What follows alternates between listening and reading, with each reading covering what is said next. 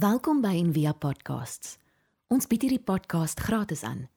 Om 'n bydrae te maak, besoek gerus ons webblad en via.org.za vir meer inligting. Ons kyk op die oomblik na name van die Heilige Gees in die hoop om ons beter te laat verstaan maar hoe werk hy binne in ons en waarna toe nooi die Here ons uit as ons hom hierdie woorde noem 'n jaloerse minnaar. Jakobus 4 vers 5 wat ons gelees het, ehm um, die Afrikaans sê en met jaloersheid begeer die gees wat in ons woon. So hy werk, hy hy, hy begeer in ons. En hy bring ook 'n stuk jaloesie in ons. So 13 keer in die Bybel word daar beskryf dat God jaloers is. En Die Bybel gaan so ver in Eksodus 34 en julle onthou dis toe Moses op die berg was en God verskyn aan hom, dan staan daar in vers 14 in Eksodus 34 die Here se naam is jaloers. En en dit met jou ongemaklik maak nê. Nee. Ek, ek kan nie van sy naam. Dit is nie 'n mooi naam nie dink dit was oupa Winfrey wat gesê het as die Here jaloers is, wil sy regtig nie glo nie en dalk voel van ons so. So en en hoe hoe spreek ons hierdie dilemma dan aan want daar's 'n paar maniere ons nou hieroor probeer praat. En een van die scenario's kan wees dat ons sê maar oor die gods nie volmaak nie. Want die liefde is nie jaloers nie, nou is jaloers is vir my moeilik en is dalk hoe party mense voel of ons is lief daarvoor om te sê, weet jy, die Ou Testament stel God baie keer net verkeerd voor.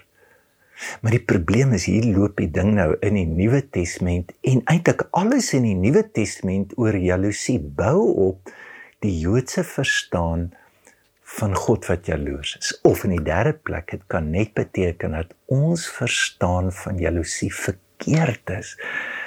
En dat daar eintlik iets baie baie diepers in dit lê wat ek wat ek glo dit is. So kom ons sê net iets oor God. Ehm um, die woord beteken in Grieks ehm um, zelos. Jy kan hoor siel kom daarvan af so dis ywer, dis passie. Kook, gis of suurdeeg.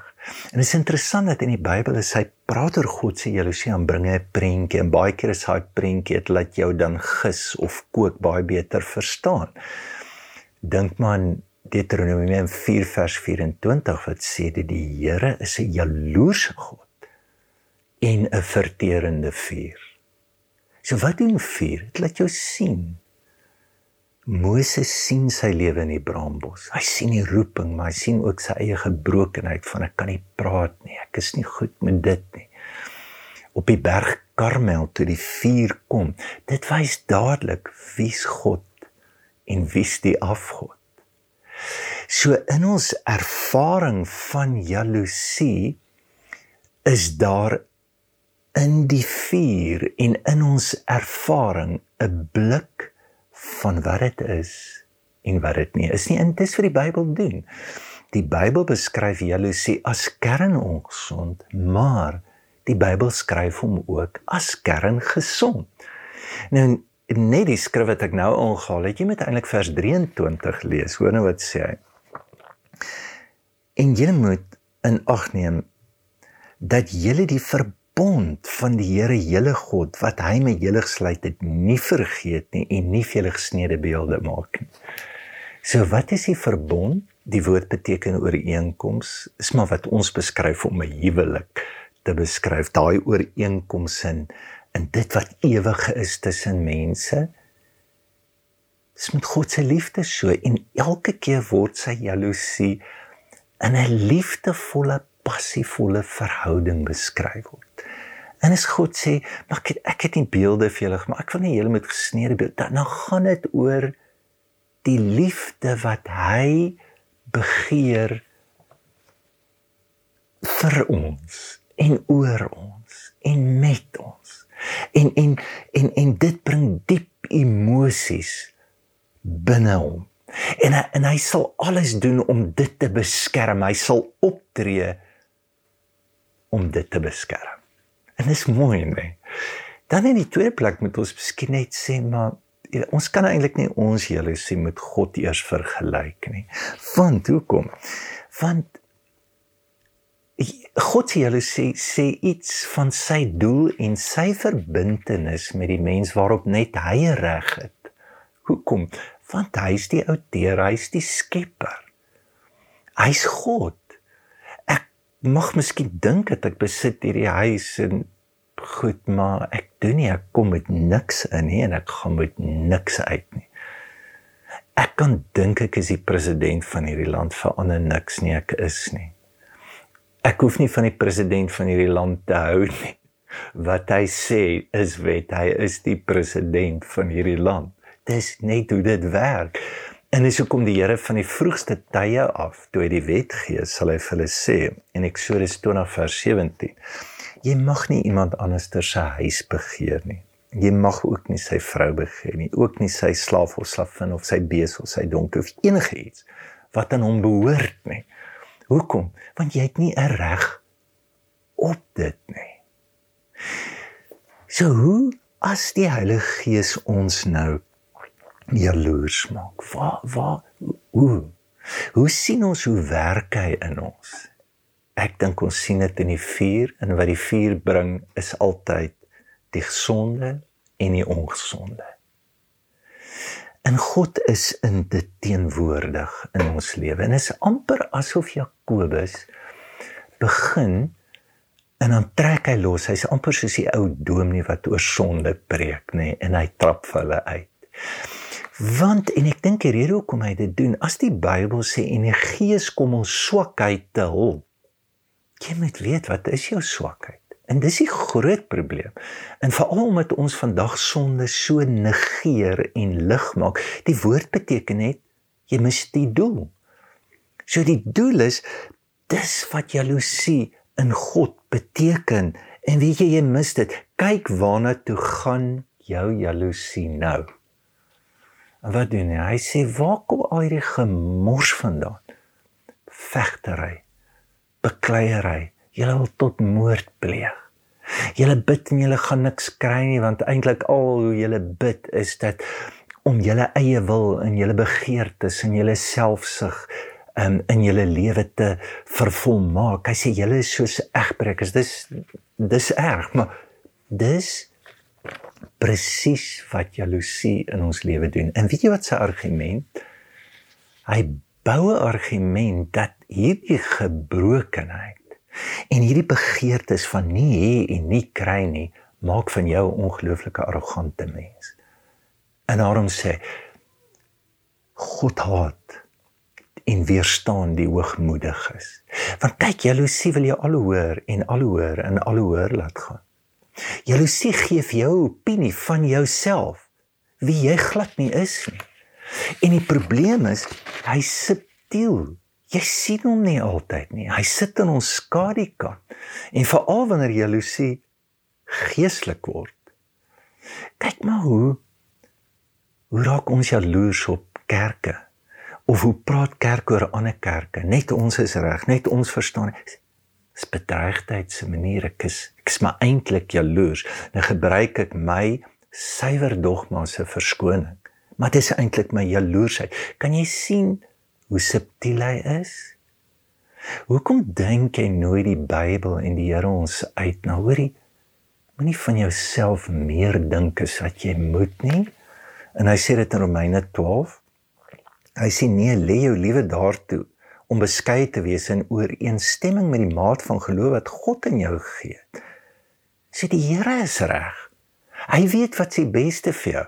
Hy weet wat hy vir jou gegee het. Dit dit pas by jou. Hy sê en wil jy nie bewus word van hierdie misplaaste jaloesie? Stel hoe God na jou toe kom in jou bekleierery, in jou stryery, in hierdie onbeantwoorde gebed, hoe is God daar? Dis wat Jakobus vra. Dan in die tweede plek dat die die Heilige Gees gaan ons aanhou uitnooi na 'n kerngesonde jaloesie. En hoe lyk dit? God se jaloesie is nie selfgesentreerd nie, maar dis ander georiënteerd. Dit trek my uit myself uit en dit gaan vir my passievol ander wil laat beskerm en myself beskerm teen noem dit die afgode wat eintlik net een doel het wat 'n klein wêreltjie skep in jou lewe en jou toeweef in isolasie. Ek onthou toe ek toe Luka nou kleiner was, nou het hy nou hierdie ding oor ons huis. Hy voel maar hoekom het ons ook nie groot huis nie. En hy wil weet hoekom het ek 'n predikant geword wat so min geld verdien? Want kyk hoe klein is sy kamer. wat glad nie so is nie, maar ongelukkig kuier hy nou by maatjies en dis sy verstaan. Nou as as dit Lukas se wêreld is en hy vertel dit die heeltyd vir mense. Ek hy gaan net sy vriende vloer want hulle sal van buite af kan sien dit is nie so nie. Hy's eintlik baie geseën. Mens sien dis hoe wreed hierdie wêreldjie is. Wat jou stok stok siel alleen laat en is miskien die storie van die eerste jaloesie verhaal in die Bybel van Kain en Abel. So wat s'ie bottom line daar? Julle onthou dat die Here aanvaar Abel se offer maar nie Kain nie. Dis die gevoel van wie wat almal is lief vir mekaar.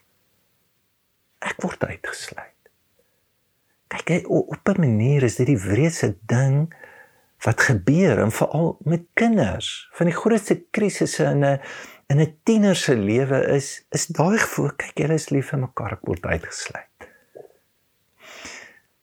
en daai gevoel van alleenheid en ek's nie verbaas dat Jakobus sê julle wil moord pleeg ek wil nie meer wees nie En dit is interessant dat navorsing wys dat die gewelddadigste moordenaars is gewoonlik mense wat verskriklik alleen is.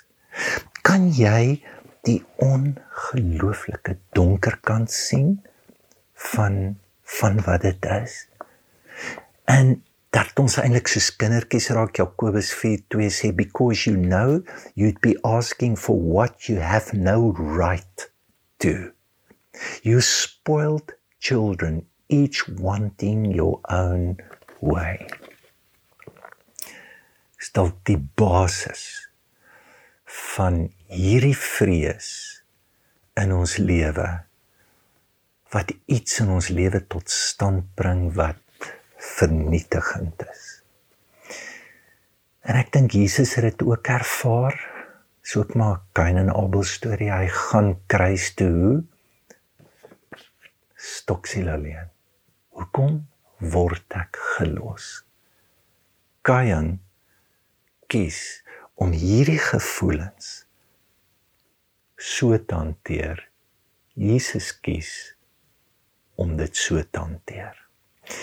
Dis waar die pad ons altyd sal los.